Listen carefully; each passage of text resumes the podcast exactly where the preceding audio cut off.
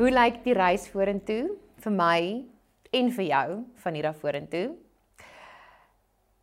Ek dink waarvolgens ek regtig gelewe het tydens my Suid-Afrika want hulle het vir ons gevra ons moet 'n motto hê en iets wat ek nou nog deur my lewe trek is encourage, empower, embrace.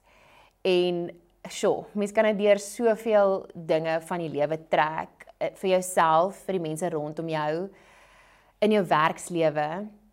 Maar kom ons begin by encourage. So encourage die mense rondom jou, maar ook jouself vir die doel wat jy wat jy het, die drome wat jy graag wil bereik.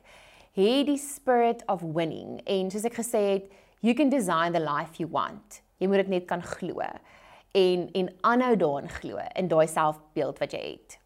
Empower maak keuses vir jouself wat jy gaan bemagtig. Ons het gesels oor oor selfbeeld. As dit goed is en dit iets is waarna jy regtig werk en die werk ingesit het, gaan jy soveel beter keuses vir jouself kan maak want jy gaan weet wat jy werd is. Jy kan selfgeldend wees. En embrace embrace daai kurwes, embrace die dinge wat jy vir so lank in jou lewe gedink het nie mooi is nie of wat nie reg is nie.